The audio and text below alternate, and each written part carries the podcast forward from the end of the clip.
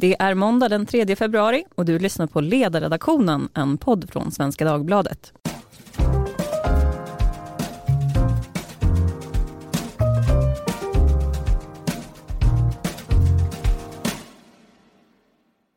Jag heter Lydia Wåhlsten och idag ska vi prata om Sverigedemokraternas nya tankesmedja Oikos. Igår i SVTs politikprogram Agenda presenterades ju några av rådgivarna till tankesmedjan som startas upp av SDs tidigare gruppledare Mattias Karlsson, mannen med tredelat. Runt bordet fanns flera personer som har varit aktiva i den borgerliga debatten. Dels folklivsforskaren Dan Korn som har gett ut böcker på Timbro. Den norske statsvetaren Asle Toje som också har skrivit för Timbros tidning Smedjan. Sen fanns där också Malcolm Chayone som också är krönikör i Göteborgs-Posten. Moderata företrädare de blev upprörda över Agendas inramning och tidigare Europaparlamentariker för Moderaterna, Gunnar Hökmark, han twittrade så här då. Tröttsamt när seriösa media inte kan skilja mellan nationalistisk populism och konservativa idéer. Det är att acceptera SDs sätt att etikettera i iven att klumpa samman nationalism med liberalkonservativa partier. Men etablerade tankesmedier som var intervjuade de välkomnade dock storsint initiativet och eh, sa att det är bra med åsiktsmångfald. Men fler aktörer på tankesmediespelplanen betyder också mer konkurrens. Så idag ska vi prata om vad det innebär att vi kommer att få en ny tankesmedja till höger i svensk politik. Med mig i studion har jag Arvid Hallén, tidigare ordförande för studentföreningen Heimdal, som nu också ingår då i ledningen för Oikos. Välkommen! Tack så mycket! Med mig har jag också Andreas Bergström, tillförordnad vd för tankesmedjan Fores, som stöds av Centerpartiet. Välkommen! Tack så mycket! Och mitt emot mig sitter min gamla chef, Karin Svanborg Sjöwall, avgående vd för Timbro. Välkommen! Tack så mycket! Betyder det här att du kan vara lite mer frispråkig än vanlig Karin? Ja, det får vi se. Ja, vi får se. Min första fråga låter så här. Behövs det en konservativ tankesmedja i Sverige? Ja eller nej? Andreas? Nej, lika lite som det behövs en socialistisk tankesmedja i Sverige. Jag vore jätteglad om båda ideologierna lades på historiens skräphög och försvann. Det är ingen som kommer sitta svältande vid matbordet imorgon om det inte finns en konservativ tankesmedja. Men eh, givet att Sverigedemokraterna är ett stort parti så är det ju inte förvånande att de vill bygga upp den typen av strukturer som andra partier har. Mm. Arvid? Ja, det behövs. Det, vi har en eh, stark växande konservativ opinion i Sverige och då bör det också finnas en intellektuell struktur för detta. Eh, Mao Zedong sa ju att när förändringens vindar blåser så bygger somliga vindskydd, andra bygger väderkvarnar. Och eh, Sverigedemokraterna bygger väderkvarnar då? Ja, inte Sverigedemokraterna som sådant. Här är en partipolitiskt oberoende tankesmedja. Mm. Okej, Karin, blir det ja eller nej på dig? Ja, jag tror att det behövs en konservativ tankesmedja. Sen ifall just den här behövs eller inte, det återstår kanske lite grann att se. Men att det finns en växande efterfrågan på konservativa idéer i ett land där det har funnits en ganska svag sån intellektuell tradition de senaste hundra åren eh, gör ju att det tror jag inte är så konstigt att det här uppstår nu. Arvid, jag tänkte att vi skulle börja med dig. Eh, folk såg dig i reportaget igår och så tänkte de, who's that guy? Kanske. Och, eh, så jag tänkte att du skulle få berätta, vem är du? Ja, vad ska man säga? Jag är skribent. Jag har skrivit eh, för olika eh, borgerlig press, tidningar, skrivit lite för Timbro också faktiskt, för Smedjan. Men jag har här oftast blivit presenterad då som tidigare ordförande för den konservativa studentföreningen Heimdal, vilket är en ganska bra beskrivning. Mm. Och hur kommer det sig då att du gjorde resan från Heimdal till Sverigedemokraterna? Eller är det Heimdal som gick till Sverigedemokraterna? Jag tror faktiskt inte att det är så mycket av en resa alls egentligen. Så, så resan här har gått från en, en reformvänligt konservativ studentförening till en, ja, som är partipolitiskt oberoende, till en partipolitiskt oberoende konservativ eh, tankesmedja. Det är, det är kanske inte en världsomsegling. Mm.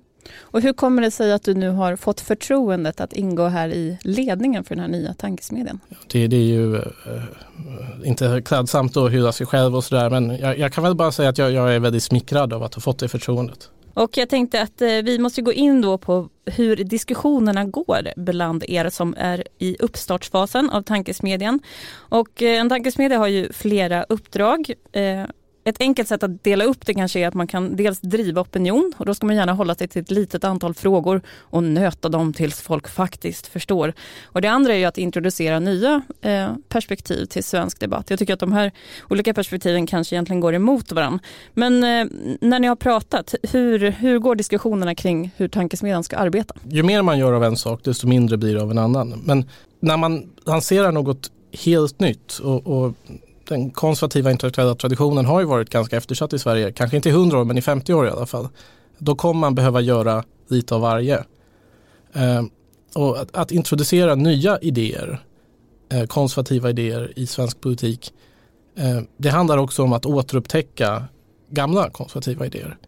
Eh, det finns ju en stor skatt av konservativ svensk politik, konservativa svenska idéer som är väldigt bortglömd idag en av de centrala tankarna i eh, högerpartiet, i Moderaterna som ingen talar om längre idag, till exempel den om ägardemokratin.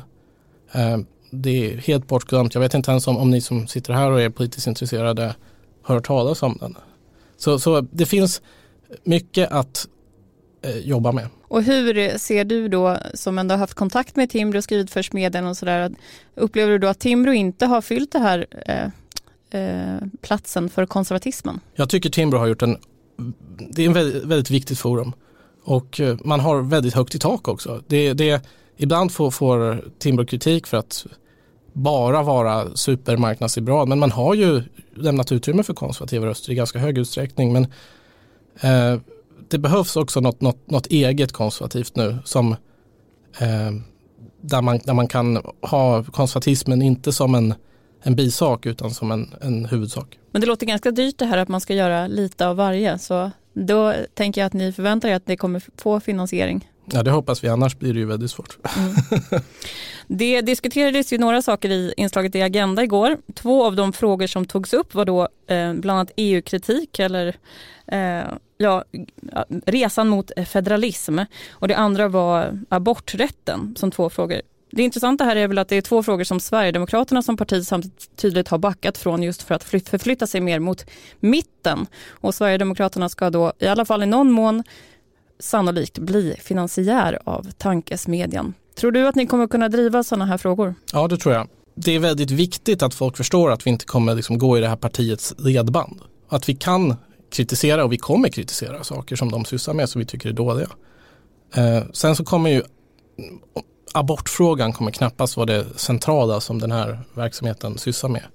Eh, vad gäller EU och sånt så att, att det, det, är lite synd att, att EU-kritik i Sverige ofta framställs som att man är antingen vill man gå ur EU eller så vill man vara superfederalist som ska nästan avskaffa nationalstaterna och bygga ett rakt igenom överstatligt eh, system.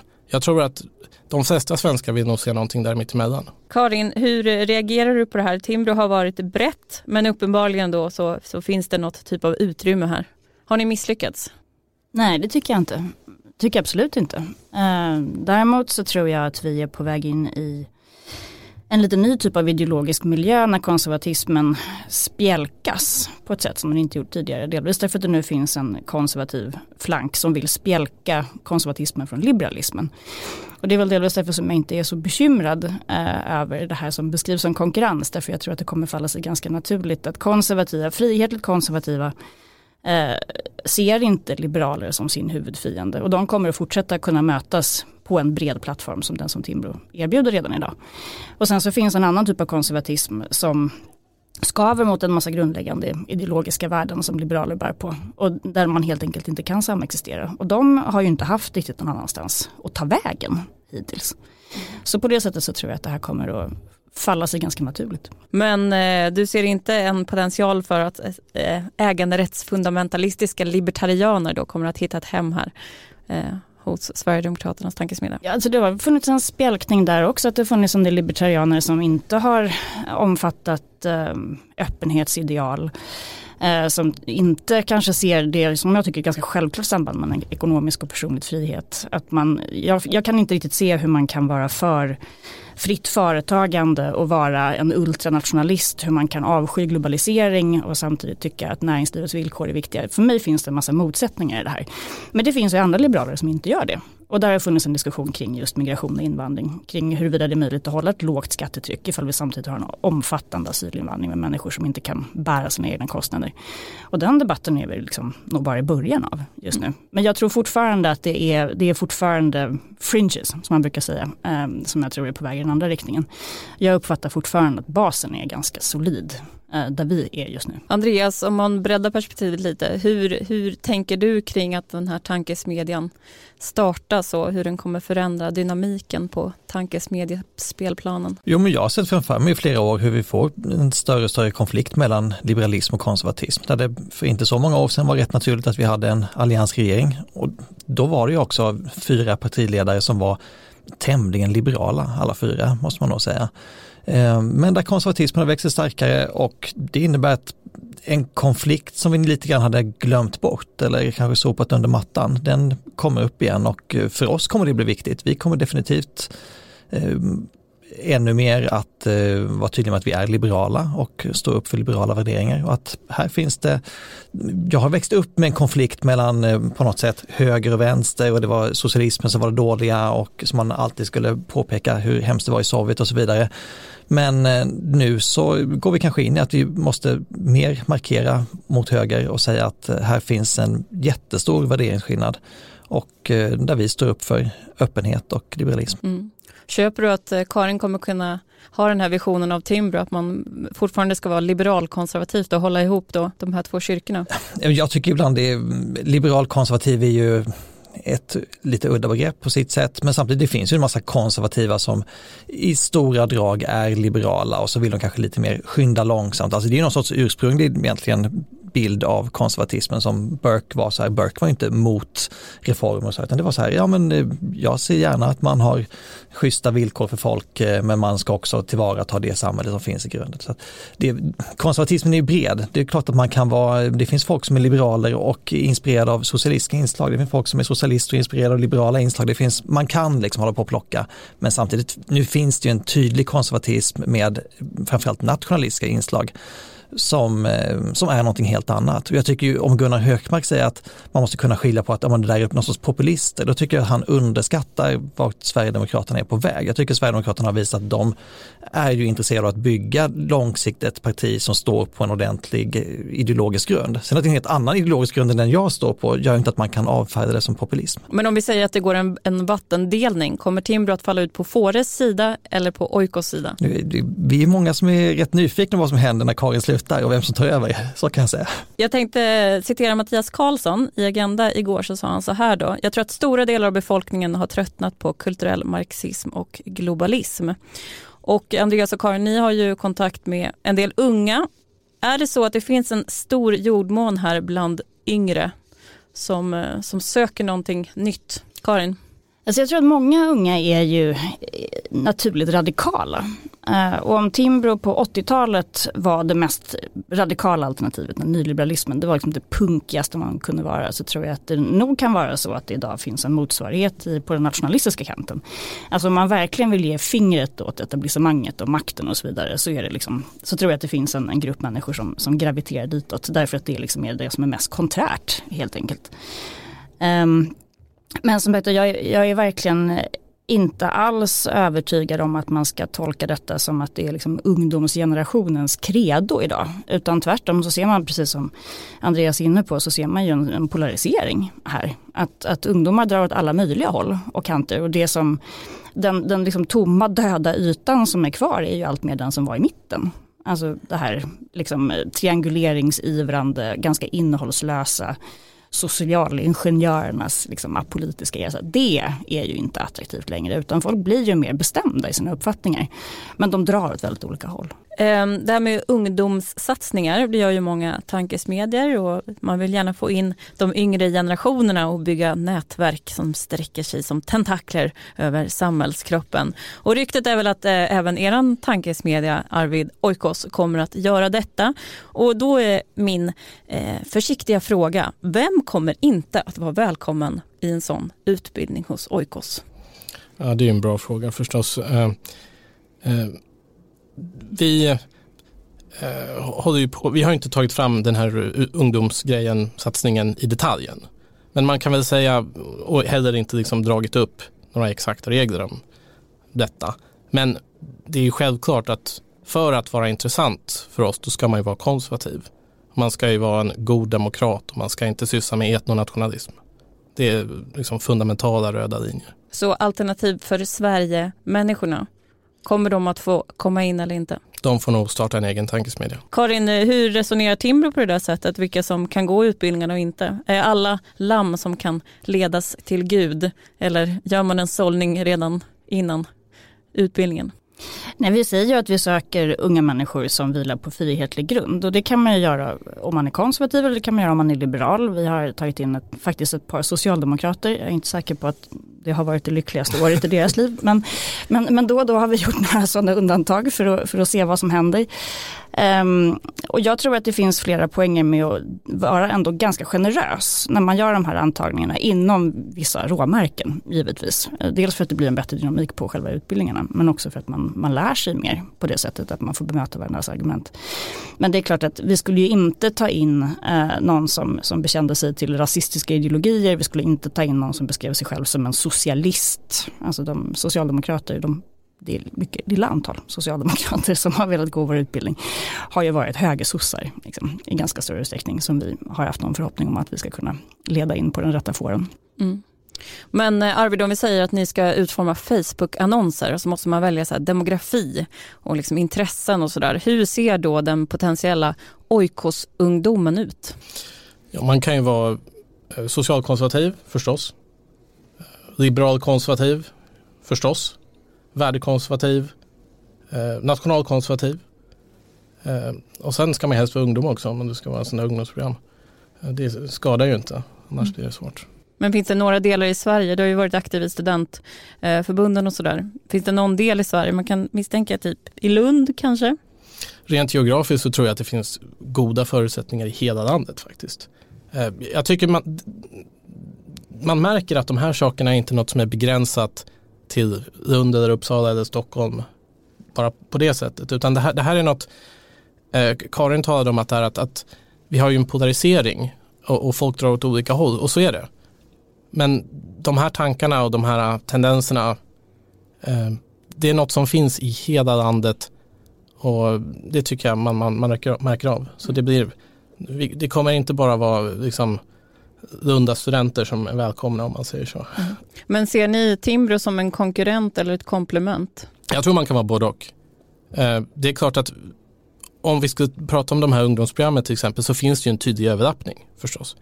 Eh, men jag tror också att man kan spåra varandra så att man blir bättre. Och Timbro är ju en oerhört mycket större och äldre verksamhet än oss. Vi har ju inte en, en kvarts miljard kronor och sådär. Eh, och, och, vi har inte den erfarenhet som Timbro har. Och jag tror att vi kan nog lära oss ganska mycket, kanske spionera lite, vi får se. Du får hålla utkik i lokalerna Karin. Men när ni talar internt då, Mattias Karlsson sitter och drar upp, han är ju känd då för att han vill verkligen bygga en seriös verksamhet och visa att Sverigedemokrater det är inga dumskallar. Det är i alla fall så snacket går. Men om han ska måla upp visionen för vad, vad ni ska vara om fem år säger vi, hur, hur skulle den låta tror du? Ja, alltså det finns ju en, en, en, en, en strömning som är stark idag, men vi vill ju bygga någonting som kan överleva i det långa loppet. Eh, om Timbro hade, liksom, när man hade stoppat löntagarfonderna, om man hade sagt att nu är vi färdiga, nu är det dags att lägga ner, då hade ju Sverige idag varit ett väldigt mycket mindre frihetligt land. Och, och jag tror att det är, väl, det är väl detta man vill också fånga, man vill fånga förändringens vind nu och bygga något som kan stå sig över tid. Och det hoppas jag att vi ska lyckas med. Mm. För det intressanta här är att vi har två parallella processer. Dels ska man då fördjupa ideologin samtidigt som partiet ska bli fortfarande mer rumsrent. Mm. Och du får ursäkta att jag då bygger ihop er men det är ju fortfarande det enda vi vet är att det ska drivas eller i alla fall har startats upp av en, en högt uppsatt eh, sverigedemokrat i ett parti som är känt för att vara väldigt toppstyrt, som mm. nu ska bygga en decentraliserad organisation då, förhoppningsvis för att tankesmedjan ska bli framgångsrik på sikt. Så att stärka ideologin samtidigt som man blir mer rumsren. Här är ju så att säga problematiken också som jag ser det för tankesmedjan. Men Andreas, om du ska måla upp ett skräckscenario för Oikos, vad är det? Ja men det är ju förstås att eh, deras tankar får stort genomslag och att eh, konservatismen stärks på lång sikt. Men det, det är dels att de, att de når sitt syfte helt enkelt. Det är ju för en liberal är ju det förstås, eh, de, de står ju för i mångt och mycket en motsats till vad vi står för. Och det, det har varit väldigt tydligt. Sverigedemokraterna har ju blivit mer och mer tydliga att det är vänsterliberalism är liksom det värsta man vet. Och, ja, jag, jag misstänker att jag omfattas av vänsterliberalism. Jag har känt mig ganska hög ibland men det är allting beror på vad man har för utgångspunkt. Eh, så det är klart att eh, risken, jag ser inte heller att ungdomar idag drar åt det här hållet generellt, men eh, hur ser det ut om fem år, om tio år? Det vet jag inte. Det är klart att om det här blir på något sätt samma styrka som Timbro har varit bland en del politiskt intresserade ungdomar tidigare, då är det klart att man kan bli jätteoroad. Och eh, vad, vad skulle det innebära då på sikt, att man får en ny typ av intelligensia? Ja, så kan det ju bli. Menar, det, det, är väl det som man verkligen ska vara orolig för från min sida, att eh, det växer fram folk som har liksom fördjupat sig i konservativa idéer och eh, utvecklar ett nätverk av konservativa skribenter, konservativa politiker och så vidare som eh, ja, utbyter tankar, stärker varandra och eh, vinner, får ett stort genomslag i media för att man faktiskt kan uttrycka sig och eh, ha mer sammanhängande idéer än vad man kanske haft hittills. En fördel då skulle man kunna säga med konservatismen, det, Timbro har ju haft mycket konservativa och en person som refererades till var ju Roger Scruton och mycket kan man säga men en sak är att det är ganska svårt att nagla fast vad är det egentligen som han för fram då förutom där hemmet, nationen som ett hem och sådär. Men vad skulle det få för policyeffekter då om den här konservativa rörelsen fick ett stort inflytande? Jag tror att kulturpolitiken inte minst skulle se annorlunda ut. Alltså om man tänker hur public service skulle fungera, vad vi skulle ha för museer, vad skulle vi ha för läroplan i skolan, i historieämnet, i samhällsämnet och annat. Eh, alltså långsiktigt är det klart att samhället kan påverkas ganska mycket. Karin, delar du den bilden eller? Ja, alltså den intressanta frågan är ju vad det är för typ av konservatism det här ska handla om. Alltså det är apropå kopplingen till Sverigedemokraterna. Sverigedemokraterna är ju inte ett parti som har kallat sig konservativt särskilt länge, om nästan någonsin.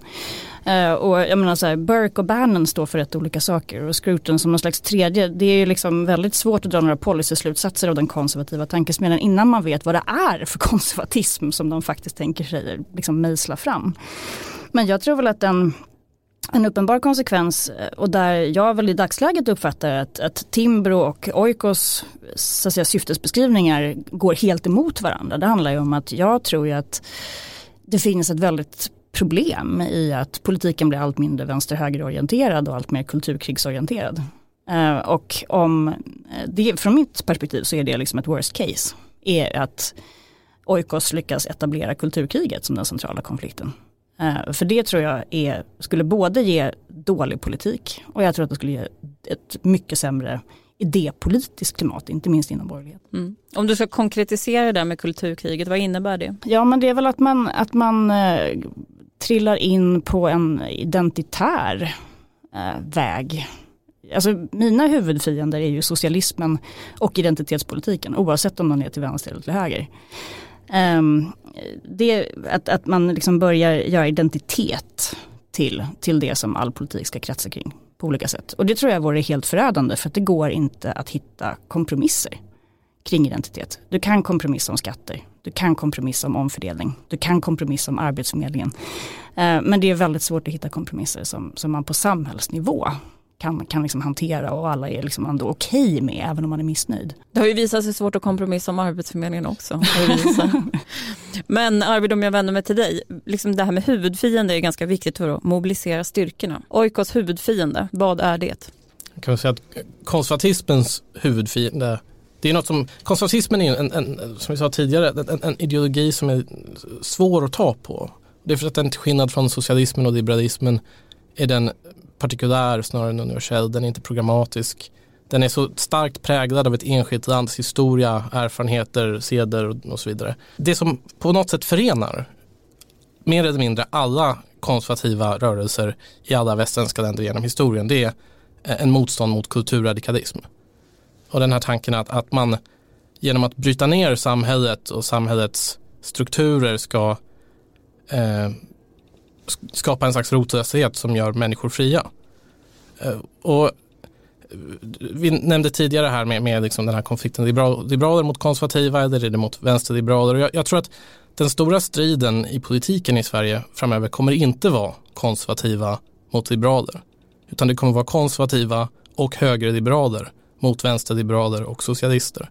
Och detta, den, denna konfliktlinje börjar också uppträda lite grann i politiken vid de politiska partierna. Jag tror att det, det kommer sätta avtryck också på den mer intellektuella debatten i Sverige. Samtidigt är det ju intressant att liksom Sverigedemokraterna ändå glider in mot mitten och det har ju gjorts en intressant forskningsstudie då, den här Pontus Strimling vid Institutet för framtidsstudier som visar då hur värderingar förändras över tid och några sådana värderingar som Sverigedemokraterna har lämnat bakom sig är ju till exempel det här med hur familjer bildas, hur ska en familj se ut och sånt. Att där, där glider man eh, hela tiden mot liksom en, en, ett progressivt håll.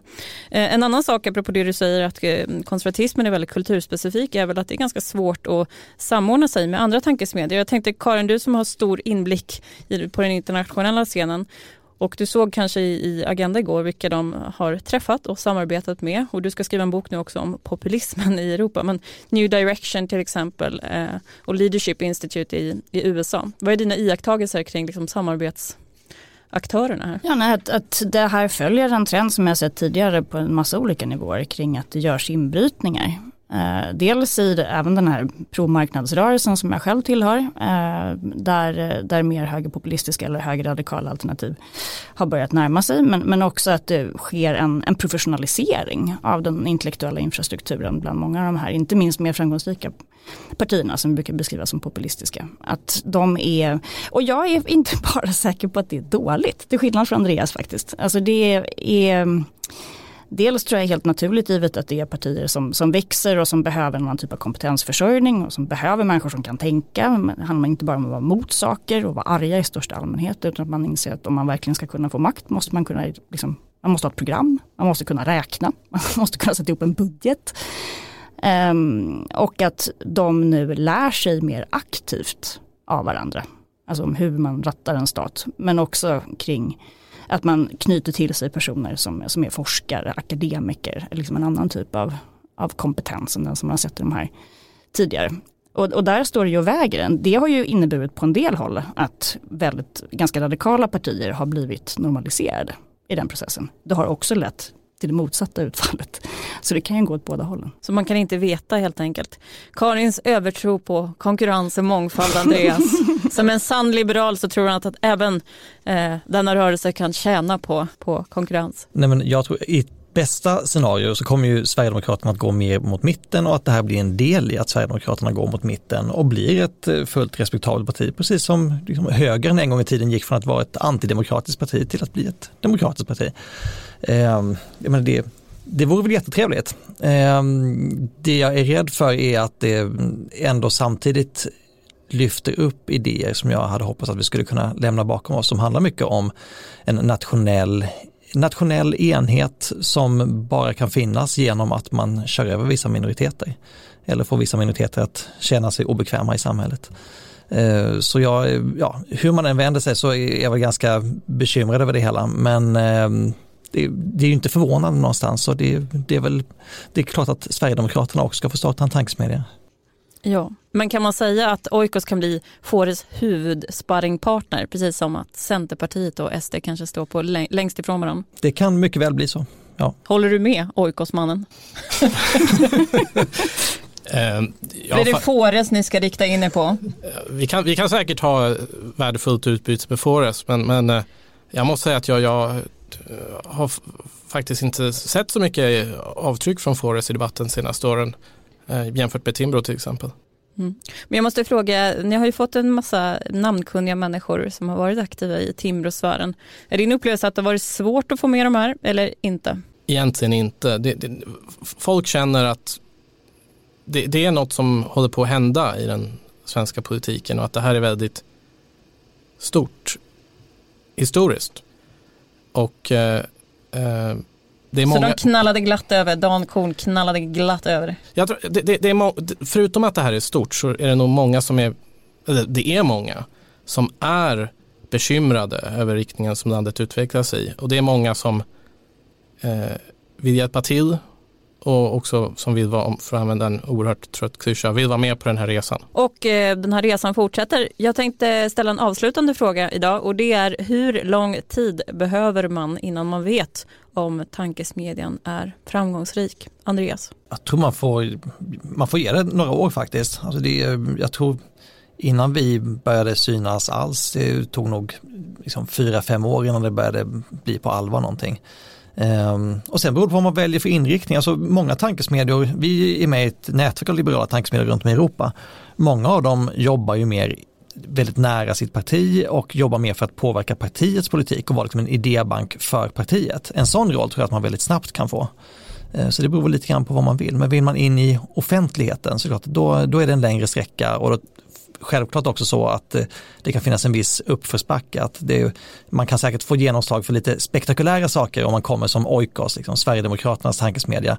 Men kanske svårt att bli tagen på allvar och att folk ska skriva liksom långa artiklar på kultursidorna där man eh, verkligen har läst och eh, liksom seriöst bemöter det som skrivs. Nej, det är lite tankesmedjans fälla. Att man, det finns en förväntan att ju mer radikal man är. Eller vad säger du Karin som vill halvera föräldraförsäkringen?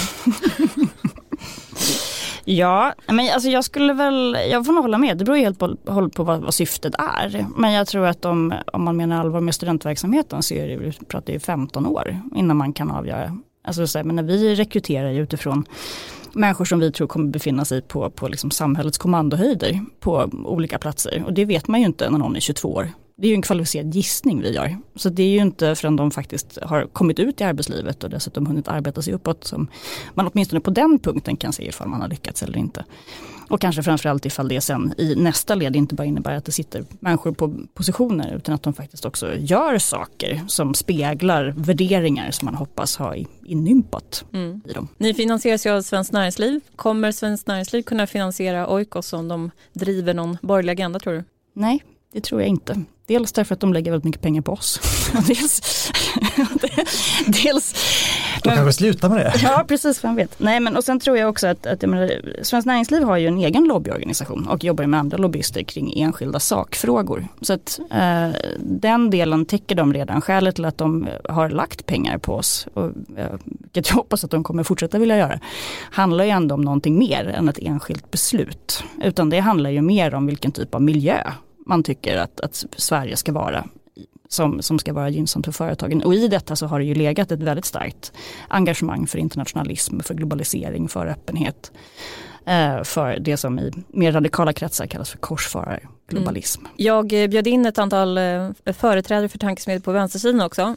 Men vi fyllde upp studion så det blev ingen därifrån. Man kan väl säga att det förstås påverkar dem också och hela spelplanen. Nu är vi ju från den borgerliga sidan här då. då. Men Arvid, vad ska man hålla koll på nu? När drar ni igång? Det här inslaget vi hade i Agenda nu i, igår, det var ju det sista planeringsmötet. Och snart så är det väl officiellt att vi, vi kör någon, någon, någon intressant inledande event och exakt vad det blir det kan jag inte avslöja här i förväg förstås. Det skulle ta vinden ur seglen, eller ur väderkvarnarna. Um, Men det blir Men, februari, till alla hjärtans dag. Ja, alltså, ja, ja, till alla hjärtans dag. Vi får väl säga det då. Under februari, kan du säga det? Jag, jag kan inte säga om det blir februari eller om det blir mars. Men det, det, blir, det blir inte om ett år, det blir nu. Mm. Det jagades en kvinna i inslaget.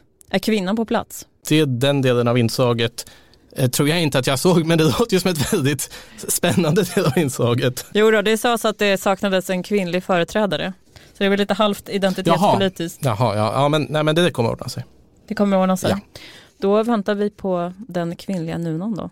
Och eh, jag får säga tack till dagens panel. Arvid Hallén, tidigare ordförande för studentföreningen Heimdal som nu alltså ingår i ledningen för STs nya tankesmedja Oikos som vi har pratat om idag.